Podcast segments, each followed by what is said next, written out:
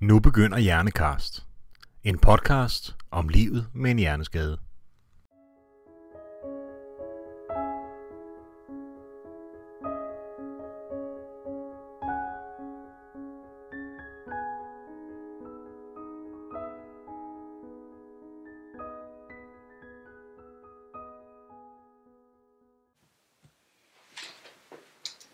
Hjernerystelse. De senere år er der kommet et stort fokus på hjernerystelse. I aviser, tv, blogindlæg, bøger osv. Og der er også stiftet en hjernerystelsesforening. De fleste mennesker ved derfor godt, at en hjernerystelse ikke nødvendigvis går væk af sig selv, fordi man hviler en uge eller to.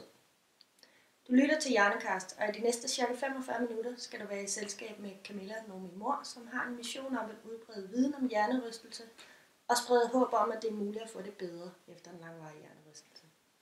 Camilla har selv været igennem et af de meget lange forløb. Tak Camilla, fordi jeg måtte komme her og tale lidt med dig i dag. Selv tak. Jeg vil høre, om du vil starte med sådan lige kort at fortælle lidt om dig selv, hvad, hvad det er, du har været igennem, hvad der skete, hvor lang tid det har varet, hvordan du har haft det, og også ganske kort, hvordan du har det i dag. Jamen, øh, det var jo lidt i en omvendt rækkefølge for mig, fordi jeg vidste egentlig ikke, at, øh, at det var en hjernerystelse, der gav mig de problemer, jeg, jeg gik og oplevede. Men jeg faldt af min hest i øh, 2003 og slog hovedet ned i frostjord. Og øh, som de fleste ridepiger, så i stedet for at, at, at ligge mig og, og hvile mig, så øh, skyndte jeg mig at rejse mig op og hjem og ordne hesten, og, øh, og sådan fortsatte jeg også øh, i tiden efter. Jeg var lige startet op som selvstændig, så øh, der var ikke noget, der hed sygemelding. Så, øhm, så jeg kørte hårdt på, og øh, oplevede, at jeg var træt. Øh, jeg sov, og jeg arbejdede, og jeg sov, og jeg arbejdede. Men, øh, men jeg kørte derud af, og tænkte ikke over. Jeg tænkte, at jeg havde lidt ondt i nakken, og, øh, og det var det. Jeg havde nok fået et piskesmæld, tænkte jeg. Øhm, og så gik jeg til lidt behandling for det, og øhm, jeg var selv fysioterapeut, så jeg vidste jo godt lidt omkring det her med piskesmæld, og hvad man skulle gøre og ikke skulle gøre, så det skulle nok gå alt sammen. Men øhm, det blev sådan set lidt værre, øhm, men jeg var ret god til at kompensere for de her ting. For eksempel så kunne jeg ikke læse længere øhm, med venstre øje, men øhm, så lukkede jeg bare venstre øje, og så kunne jeg læse med mit højre. Og øhm, jeg begyndte at gå ind i ting, øhm, der tænkte jeg bare, der var jeg bare, så var jeg bare klodset. Mm-hmm. Øh, så der var sådan flere forskellige ting. Øh, det der nok egentlig fyldte mest, det var, at jeg var, altså den der træthed, den blev ved med at være der. Og, øhm, og jeg har altid været et meget socialt menneske, men, øhm, men jeg kunne mærke, at jeg kunne faktisk ikke holde ud at være sammen med andre mennesker. Det var meget øh, krævende for mig at være sammen med flere mennesker på en gang. Så jeg synes egentlig, jeg var blevet lidt sær. Øhm, og på et tidspunkt, jeg var også meget lydfølsom, på et tidspunkt, der måtte jeg faktisk flytte ud af byen og ud på landet, fordi jeg kunne ikke holde ud at være inde i byen. Men jeg relaterede ikke noget af alt det her til en hjernerystelse, fordi øhm, det havde jeg ikke noget viden om på det tidspunkt. Og hvor lang tid havde du det sådan? Jamen det var så i, i en 10-års periode, ja. fordi det var så først i 2013, at jeg tilfældigvis møder øh, Dr. Kopp fra det her system, der hedder Z-Health, mm. som holder et oplæg omkring øh, hjernen, og, og lige pludselig så, så gav det bare mening. Det var bare sådan, hov, jamen gud, det er jo, det er jo min hjerne. Altså du genkender simpelthen? Jeg gen, simpelthen, ja. genkendte simpelthen de symptomer der, øh, som han kunne, kunne, kunne beskrive. Ja. Så, øhm, så det var en 10-årig periode, at, øh, at jeg gik rundt og, og havde det sådan. Du har jo du har en hjemmeside også, hvor du blandt andet skriver, at din hjerne har det bedre i dag, og det ja. kan jeg også høre på andre ting, du fortæller, at det kommer vi lidt ind på, at du har det meget bedre. Øhm, men hvad, hvad gjorde du så? Altså du, du mødte det her system. Hvad, hvad gjorde du selv for, at din hjerne skulle få det bedre? Jamen, jeg gik i gang med at træne øh, efter systemet. Øh, først og fremmest, øh, så, så systemet er, er delt op i, i, at man arbejder på alle hjernens systemer. Og øhm, jeg har, selvom jeg er fysioterapeut, så har jeg aldrig bevæget mig særlig fantastisk. Så, øhm, så det var noget af det første, der skulle øh, rettes lidt op på. Så, øh, så jeg, jeg begyndte simpelthen at lave en, en anderledes form for træning, øh, hvor man går ind og, og træner ledene øh, på, en, på en måde, så man simpelthen får stimuleret hjernen samtidig. Øh, det virker samtidig enormt afstressende at, at lave den her træning, så, øh, Så, så det, var, øh, det, det var noget, der i hvert fald hjalp mig rigtig meget. Men når du siger, at du går ind og træner ledende, for eksempel, altså, øh, kan du sådan konkretisere, så man kan se det for sig, hvad det er, du gør? Øhm, der er mange, altså det, det, er, det er simpelthen at lave, altså bevæge led for led, hvor at vi, vi som mennesker, der bliver vi sådan øh, vendet, vi vender os til at, at bevæge sig, og sådan, øh, at kroppen den ligesom bevæger sig i, et, i, en, i et samlet flow.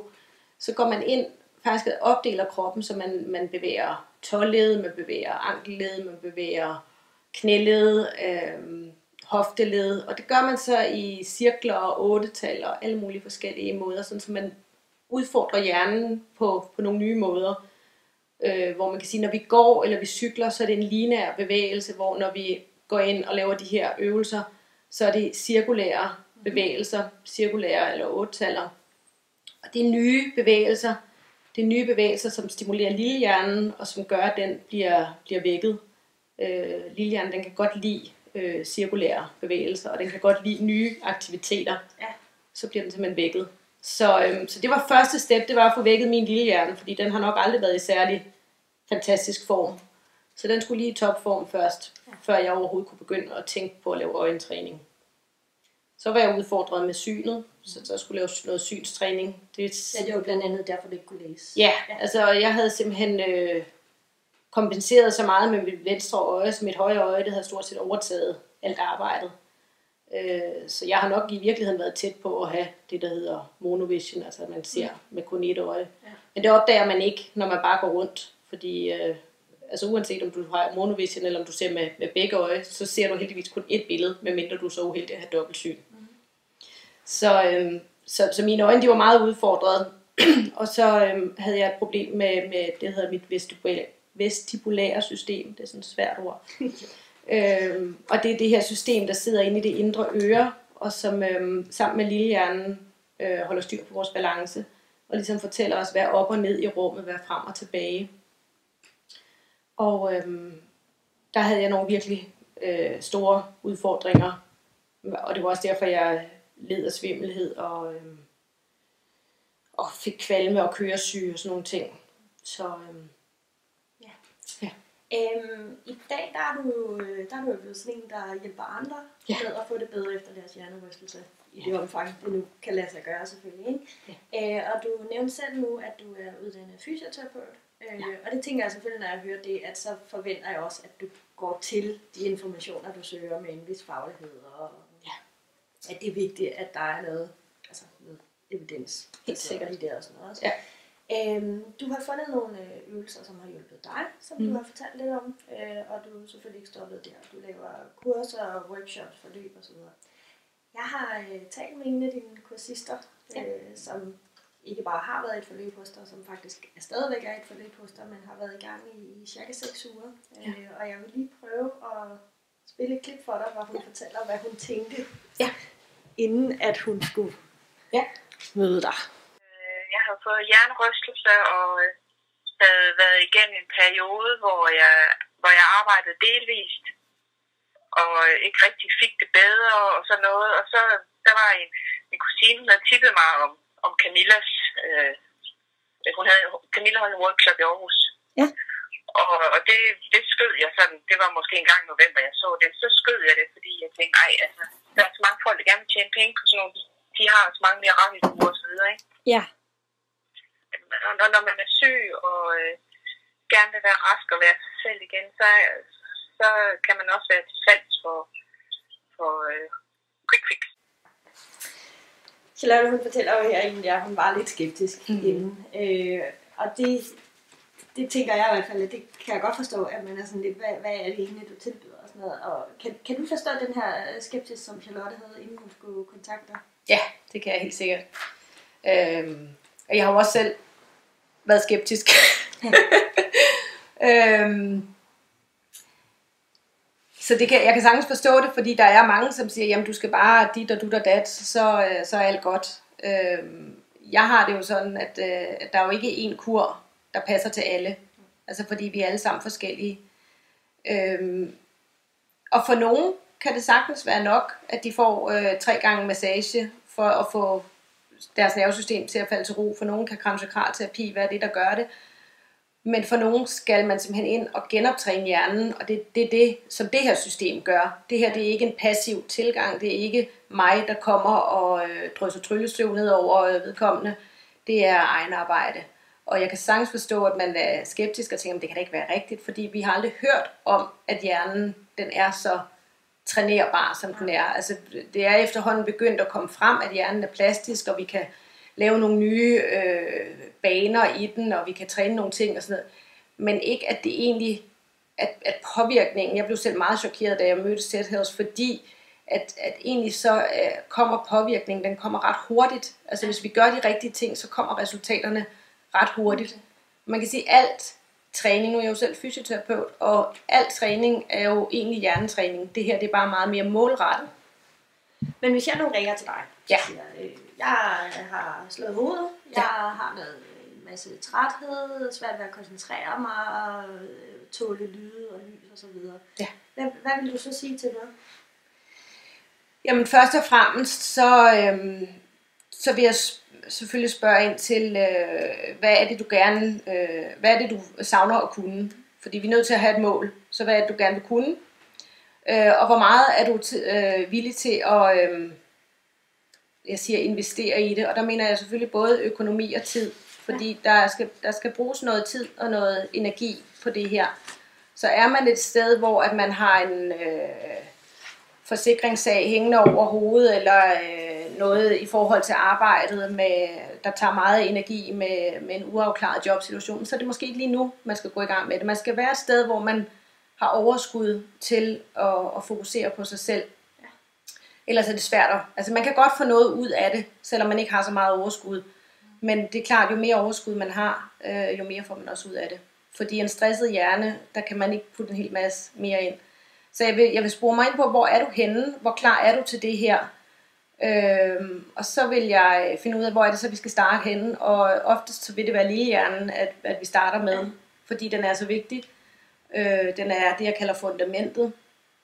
Øh, så, så, så hvis den ikke ligesom er på plads, ligesom den ikke var i mit eget tilfælde, så kan vi heller ikke rigtig bygge videre med de andre ting. Øh, fordi den har indflydelse på balancen, den har også indflydelse på kontrollen af øjnene, den har også indflydelse på, hvor mange indtryk går egentlig ind i vores hjerne. Så hvis den ikke sorterer nogle af alle de indtryk fra, så går vi rundt og er konstant overstimuleret. Altså jeg ved, du holder nogle øh, workshop, hvor man kan komme uden egentlig at, at have tilmeldt sig noget forløb, men sådan prøve at komme og se, hvad er det, der sker her, og hvem er du, og så videre. Ja, det har jeg Øh. gjort her i januar, og det vil jeg gøre igen, ja. Ja. Ja. Hvis nu man sidder og tænker, ej, jeg vil da gerne med på sådan en workshop. Hvad er, det, Ja. hvad er det så, man skal være forberedt på? Altså, hvad går man ind til? Også sådan, altså sådan, hvor mange mennesker er der egentlig? Altså, hvor mange skal du ud og være sammen med? Øh, og Ja. hvordan kan man risikere at reagere? Hvordan reagerer de andre? Hvad er det, der foregår der? Altså man er jo med til det, som man kan være med til på, på de workshops eller på de gruppeforløb, jeg, jeg afholder. Øh, på workshopsene, der har vi været øh, et max på 20 personer. Så selvfølgelig er det mange mennesker, hvis man slet ikke kan holde ud at være sammen med nogle andre mennesker, så, så er det nok ikke lige det, man skal vælge. Øh, men man kan gå ind til det øh, med den tilgang, at alle de andre i rummet har det på samme måde, så derfor er det ikke nær så skræmmende. Jeg oplever faktisk, at det der, når vi når vi er sammen med andre, som har det på samme måde, så, så er det ikke nær så slemt. Nej. Og det er også det, jeg kan se på min gruppeforløb, at der er nogen, der synes, uh, have tre timer af gangen på et gruppeforløb, det er godt nok meget. Men det der, når vi er i en gruppe, hvor vi har forståelse for hinanden, og man ikke skal sidde og anstrenge sig for at prøve at passe ind, så glider det bare nemmere. Charlotte, som vi, øh, som vi lige hørte før, hun har jo også været med på et af dine øh, workshops Ja. i, i Aarhus, hvor hun bor. Ja. Øh, og det jeg lige du bor så på Sydfyn, så, øh, så, så det er sådan lige, at det kan jo også være en hindring for nogen geografien, hvis de Ja. gerne vil lave et forløb med dig, men det, tager, det taler vi også om. Mhm. Øh, Charlotte har fortalt mig lidt om øh, den oplevelse, hun havde, da, da hun kom Mhm. til den her workshop og mødte dig første gang. Så det vil jeg lige prøve at spille for dig. Men så endte det med, at jeg, jeg simpelthen fik det skidt, at, at jeg blev fuldtidssygemeldt. Og så var det, jeg tænkte, at nu, nu skal jeg til at gøre noget for mig selv. Og så gravede jeg det her tips frem, hvor Camilla holdt en workshop i Aarhus, og så tænkte jeg, at der kan jo ikke ske noget ved at tage ud og se, hvem hun er, og hvad det er, hun har at byde på. Øh, For det første, så mødte jeg jo en, øh, en kvinde, som øh, havde selv et langt historisk sygeforløb, og hun fortalte, hvordan hun havde øh, kæmpede sig igennem, og hun beskrev jo også mange af de symptomer og ting, hun havde udsat for, som jeg kunne genkende. Øh, plus at hun også øh, virkede som, som meget kompetent. Mm. Øh, hun var troværdig simpelthen. Og så udover at fortælle sin, øh, sin egen historie og fortælle lidt om, hvad, hvad, hvad det er, der sker ifølge de teorier, eller den træning, hun arbejder med. Øh, hvad det er, der sker med hjernen, og hvordan, hvorfor den reagerer, som den gør. Mm. Så lavede hun også nogle øvelser med os. Altså, det var sådan en slags workshop. Og øh, altså, jeg havde tænkt, altså hun havde snakket noget om balanceøvelser, så tænkte jeg, jamen der er sgu ikke noget galt med min balance. Altså, jeg kan da sagtens stå på to ben, ja. Jeg tilter rundt og sådan noget, men da hun så begyndte at lave nogle balanceøvelser med os, så kunne jeg jo bare mærke, at min balance var rigtig skidt. øh, og jeg kunne også mærke, at hun har sådan noget med, at man arbejder med, at man tester, inden man laver en øvelse. Er den her øvelse god for mig, ja eller nej? Øh, man tester inden, og så laver man øvelsen, og så, så tester man igen. Og, og jeg kunne med det samme mærke, at min krop reagerede på det, hun satte sig i gang med. Det var Charlotte og en undulat, tror jeg. øhm, yes. Øh, Charlotte hun fortæller her om det her med, øh, at du testede hendes balance. Øh, og det havde hun ikke lige forventet, fordi som hun siger, der var ikke noget galt med den. Hvorfor er det så vigtigt det her med balancen af hjernen? Du var lidt inde på det før, men, men kan du fortælle lidt mere om det? Jamen det er jo, øh, altså vores balance er jo, er jo vigtig. Altså kan vi ikke holde balancen, så, øh, så er vi øh, faktisk lidt i en konstant stresstilstand, fordi det er truende for vores hjerne, hvis vi ikke kan holde balancen. Altså hjernen den vil jo gerne have, at vi ikke falder og, og, og slår hovedet, eller laver noget andet dumt, vi ikke kommer til skade. Så, øhm, så når balancen den ikke kører, vi skal bruge en masse energi på at holde balancen, så er det, at vi konstant overbelaster vores system. Så, øhm, så, så det er blandt andet en af grundene til, at man kan gå og være rigtig, rigtig træt. Og man kan blive øm, altså, altså man, bliver, man stiver sig i kroppen, så, så, så muskelspændinger, øh, ja faktisk i hele kroppen, øh, kan faktisk øh, stamme fra, at man har en dårlig balance. At man simpelthen kommer til at gå øh, stivere, øh, og man går mindre, man bevæger sig mindre. Så det er jo, altså dårlig balance sætter en masse ting i gang. Øh, man undgår også at komme ud i, i nogle situationer, så man, man isolerer sig måske lidt mere. Ja. Altså det her med at, øh, at, at gå på en, øh, en gade med, med mange mennesker, kan være ret øh, skræmmende, hvis man har en, en dårlig balance. Man er simpelthen bange for at blive væltet af andre. Men er det normalt det her, Charlotte fortæller om, at man måske slet ikke er bevidst om, Ja, fordi at ens balance ikke er helt top? ja, fordi den balancetest, som Charlotte refererer til, det er, at man stiller sig med benene fuldstændig samlet. Mm-hmm. Øh, og så står man der, og der vil de fleste godt kunne, kunne stå rimelig lige. Nogle vil have en lille smule øh, bevægelse. At man svejer lidt? Ja, Ja. men de fleste vil stå rimelig fornuftigt. Men hvis du så lukker øjnene, så vil rigtig mange opleve, at så bliver de her bevægelser forstærket, og nogen kan simpelthen ikke stå der, nogen falder simpelthen. Og det er fordi, når vi fjerner synssansen, øh, så er det kun lillehjernen, der skal styre balancen. Og hvis den så ikke kan det, så falder vi. Og så kan man sige, jamen normalt så har vi jo åbne øjne, ja, men øh, vi blinker også med øjnene, og, øh, og igen det her med, at vi, øh, vi bruger altså bare mere energi, hvis lillehjernen den ikke, øh, den ikke laver sit arbejde ordentligt. Og vi kan træne lillehjernen op til at, at gøre sit arbejde. Men er det, er det sådan en meget generelt ting, eller er det... Det er det. Ja. Øhm, det er, det vil jeg sige, det er, det er stort set alle, jeg ser, hvor at vi starter med at, at teste på den her måde, øhm, og så, og så begynder at træne lillehjernen op. Og, og man kan meget hurtigt mærke det, fordi så er det, det at vi laver den her test, hvor at folk så står med lukkede øjne, og så laver de nogle øvelser, som simpelthen vækker lillehjernen. Og det kan være blandt andet det her at stå og, og køre øh, hænderne rundt øh, i cirkler eller ottaller. Og så lukker man øjnene igen, og så står man som regel bedre. Og så ydermere, så deler man det jo så op i, at, at lillehjernen den har jo to sider, så den har højre og venstre side, så det kan godt være kun, at den ene side af lillehjernen faktisk skal stimuleres. Så, øhm, så det, kan, det kan godt være, at man skal have lidt hjælp til lige at finde ud af, hvad er det for en del af min lillehjerne, der faktisk trænger til at blive stimuleret. Altså, der, der er nogle af de her ting, fortæller, det lyder, det lyder meget enkelt. Altså, Ja. det med, hvordan, altså, hvordan er det egentlig, jeg bevæger min led, Ja. og kan jeg holde balancen, og er der noget med mit syn og sådan noget. Øh, du, øh, du bruger den her metode, som du også har uddannet dig i, og som er den, du underviser i, der hedder SAT Ja. Øh, hvad, hvad i alverden er det? Jamen, det er et system, der er opfundet af en, øh, en amerikansk kiropraktor, der hedder Dr. Eric Kopp, mm. som øh, blev træt af, at han havde patienter, øh, som blev ved at komme igen og igen med de samme problemer. Og, øh, og øh, han, så kunne han lige knække dem på plads, og så kom de igen en uge eller tre uger efter, og så skulle de rettes igen. Øh, han har selv haft øh, en masse problemer øh, i sin krop, og han har selv været øh, topatlet, så han, han er sådan det, jeg kalder en lidt nørdet type, så han, han er gået til det med den tilgangsvinkel, han har ville opfinde en, et system, som kunne øh, gøre, at folk kunne træne sig selv. Så han har simpelthen studeret øh, topatleter, for at se, hvad er det, der gør, at de fungerer så meget bedre. Og så har han mixet alle mulige forskellige systemer. Han har selv arbejdet meget inden for det, der hedder Mixed Martial Arts, som jo er en kampsportsteknik, øh, hvor man laver en masse af de her, blandt andet de her led øh, opvarmningsøvelser. Og så træner man øh, rigtig meget synet, fordi at, at man er nødt til at have sine reflekser ret godt på plads, hvis man laver kampsport, ellers så får man altså et par på kassen. Ikke?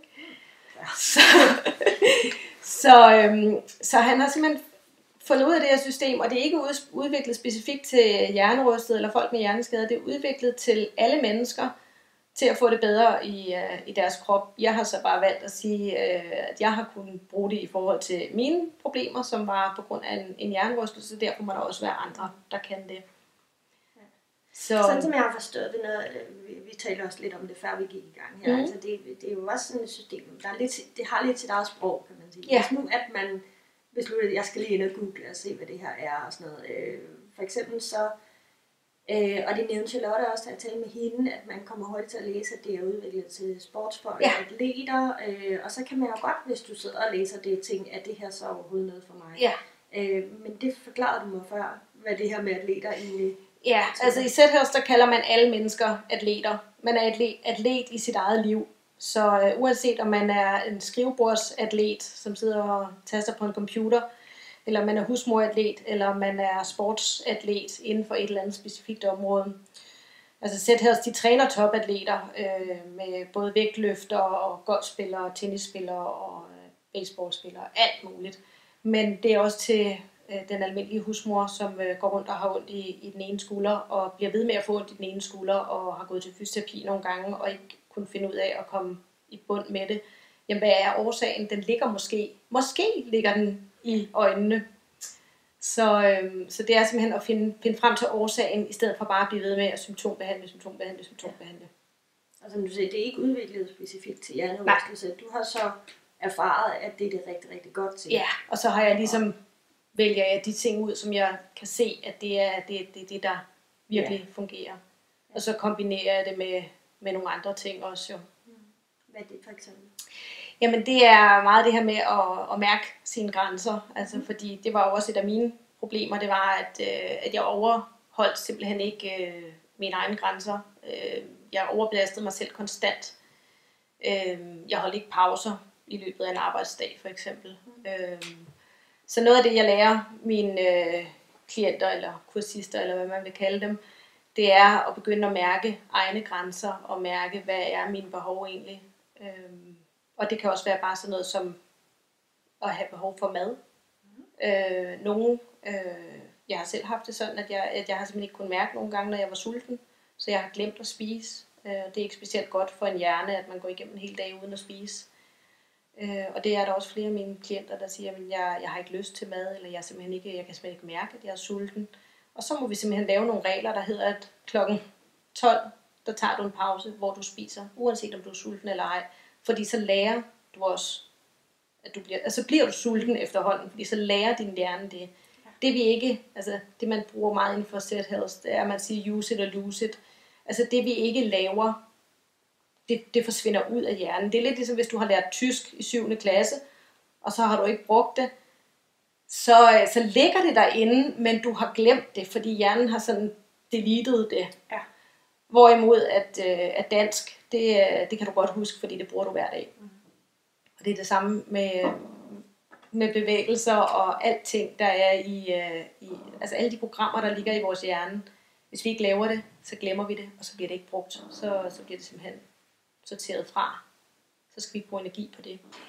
Efter den her workshop, som øh, Charlotte hun fortalte om før, så øh, lavede hun jo en aftale med dig om et individuelt forløb. Ja. Og øh, ja, som jeg nævnte før, du bor på Fyn, og Charlotte bor i Aarhus, øh, men du fik lavet et program til hende, som hun kan bruge derhjemme. Ja. Og det øh, har hun også fortalt lidt om, så Ja. jeg skal lige høre her, hvad hun siger om det. Yes. Øh, og så øh, satte hun mig så op med et træningsprogram, som skulle løbe over de første tre uger, hvor jeg har, øh, hvad har jeg? Jeg har seks træningssessioner. Altså seks små øh, træningsintervaller om morgenen, om formiddagen, frokost, to om eftermiddagen og om aftenen. Og det, det, det er sådan en kombination af, af de forskellige ting, jeg skal træne, altså syn og balance og koordination og indre øre og lille hjerne og sådan nogle ting. Ja. Jeg har en, hvor jeg øh, kigger på et fast punkt på væggen med øjnene, imens jeg bliver ved med at kigge på det faste punkt og holder det skarpt, kigger, drejer hovedet nedad og drejer opad og tilbage til det faste punkt. Altså jeg bliver ved med hele tiden at, at have øjet et sted, ikke også? Mm. Øh, det gør jeg op og ned, og så gør jeg det også, hvor jeg drejer hovedet ud den ene side og hovedet ud den anden side. Og så gør jeg også, hvor jeg drejer øh, hovedet i en, en diagonal. Øh, jeg er ikke så god til det med højre venstre, men altså et diagonal, der er opadgående, og en diagonal, der er nedadgående. Det er ligesom sådan en stjerne. Det er jo igen det her med synet, øh, som hun taler om her. Altså, hvor, hvor udbredt er det, at, øh, at når folk de kommer, at der er noget med synet? Det er meget, meget udbredt, at, øh, at synet driller. Og, og den øvelse, som Charlotte refererer til, det er så faktisk en øvelse, som rigtig mange af mine klienter de først får meget senere. Og Charlotte, hun fik den faktisk allerede. Hun, hun havde tre sessioner hos mig på en uge. Øh, og hun, hun fik allerede lov at få øvelsen med hjem første gang, og det er, det er ikke alle, der gør det. Fordi at, øh, at det her det er en kombinationsøvelse, hvor du kombinerer synet og det indre øre. Ja. Så for mange vil den her være alt for svær. Øh, der skal vi starte meget blidere med simpelthen bare at kunne fokusere på et, et fast punkt. Mm-hmm.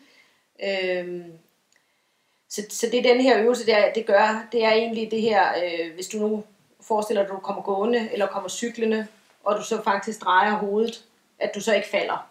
Øh, det er sådan lidt træls, hvis man kommer gående, og så er der en, der kalder, og så man lige vender sig rundt, og så falder man, fordi at man kommer til at dreje hovedet. Ja.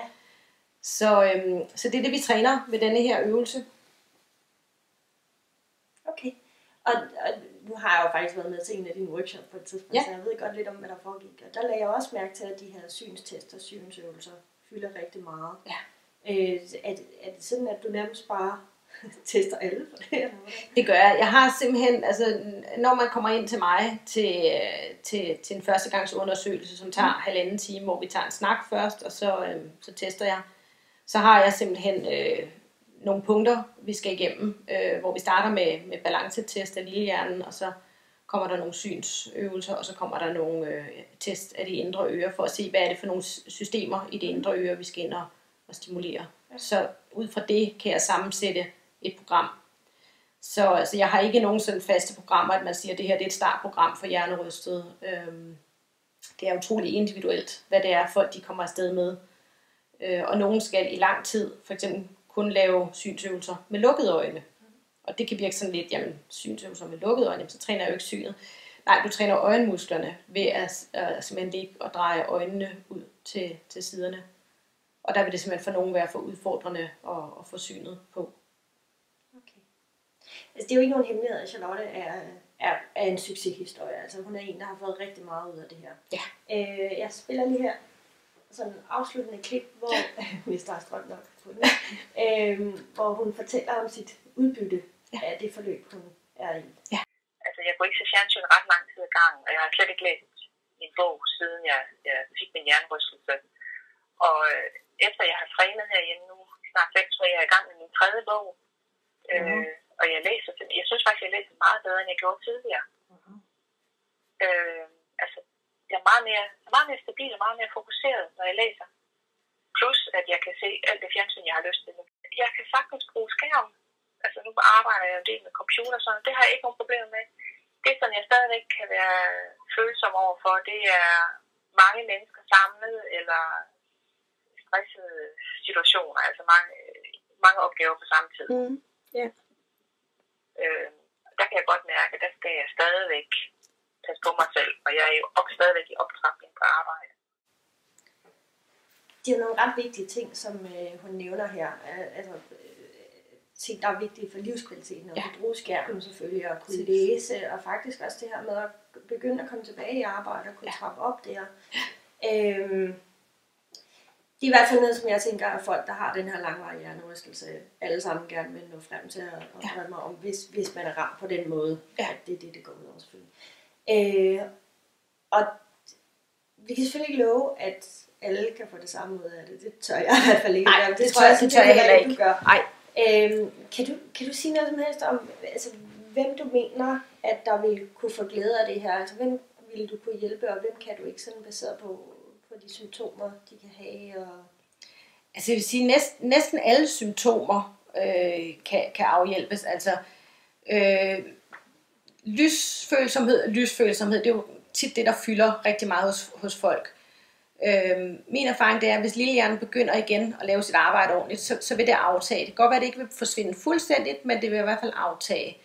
Men selvfølgelig det er ikke noget, der kommer hen over en uge, at så er alt godt. Og, og det er heller ikke noget med, at man skal have en behandling, og så øh, går man fra mig, og så, øh, så har jeg sat noget i gang. Det er egen træning. Charlotte hun har været øh, et øh, pragteksemplar med, med, med sin træning. Hun er utrolig committed. Øh, hun har været utrolig systematisk omkring det, og, og har simpelthen prioriteret det så meget i sit liv, det her træning, og sagt, jamen jeg vil det her, og derfor får jeg også sat det i, mit, i, i min kalender og få lavet den træning. Og det hjælper jeg selvfølgelig også folk med, med at få lavet nogle, nogle træningsskemaer.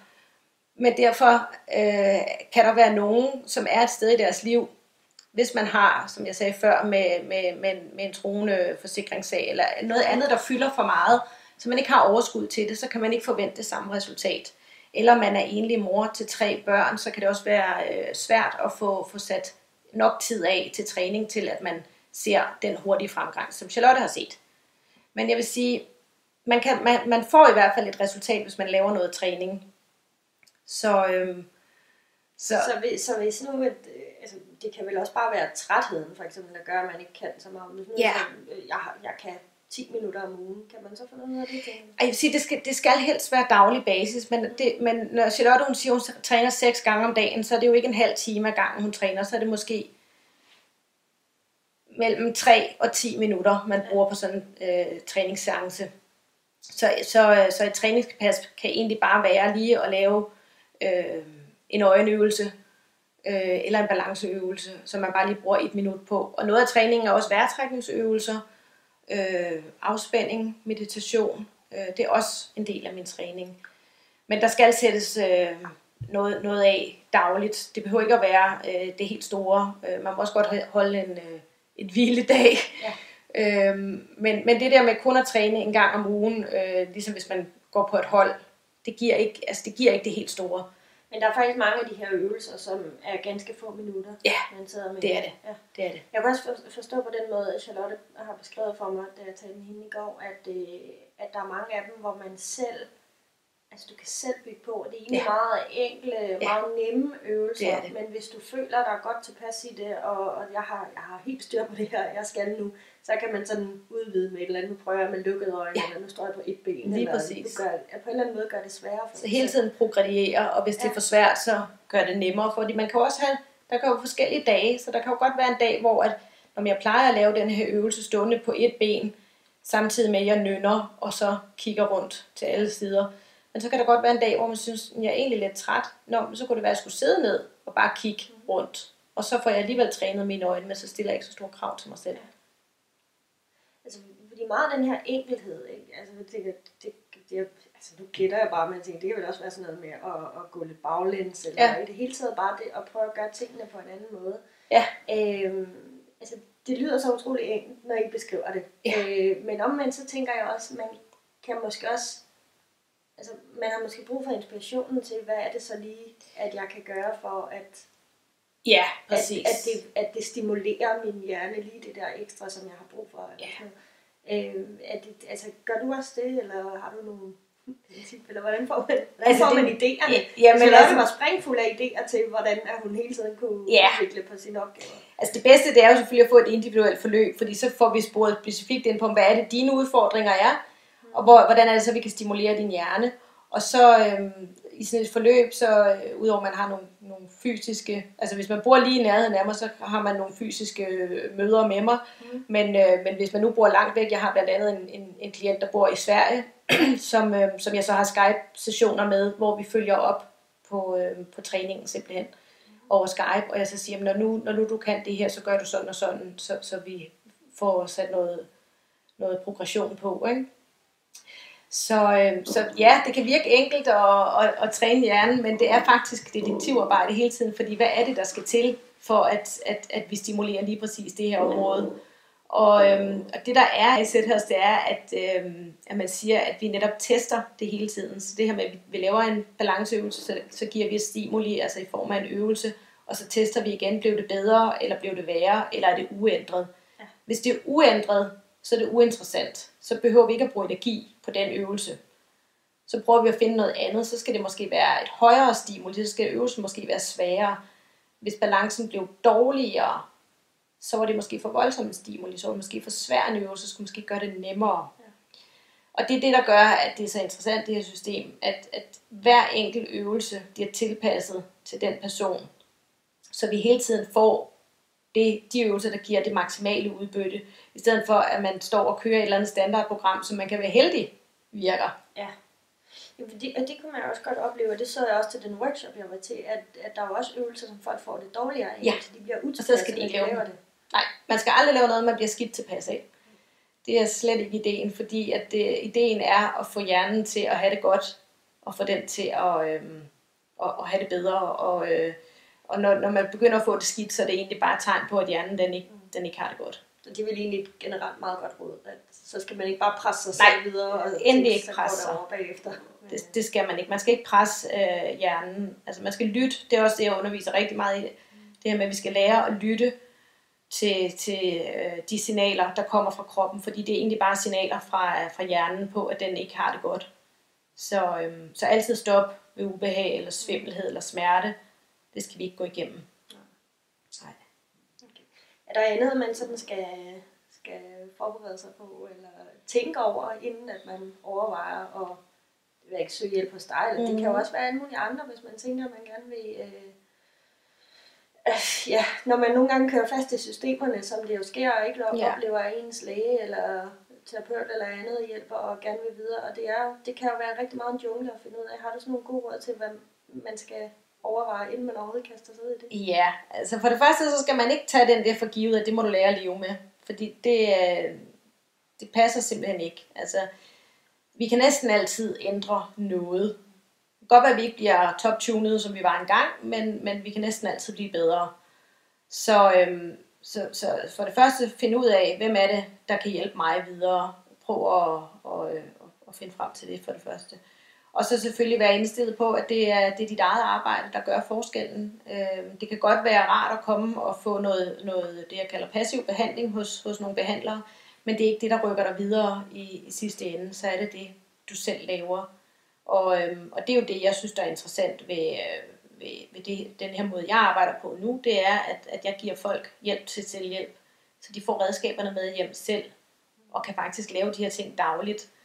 Øhm, og rigtig mange, de, øh, de melder tilbage, at ah, når jeg sådan lige begynder at få det lidt skidt, så kan jeg lige bruge den der øvelse, fordi den ved jeg, at den får jeg det godt af.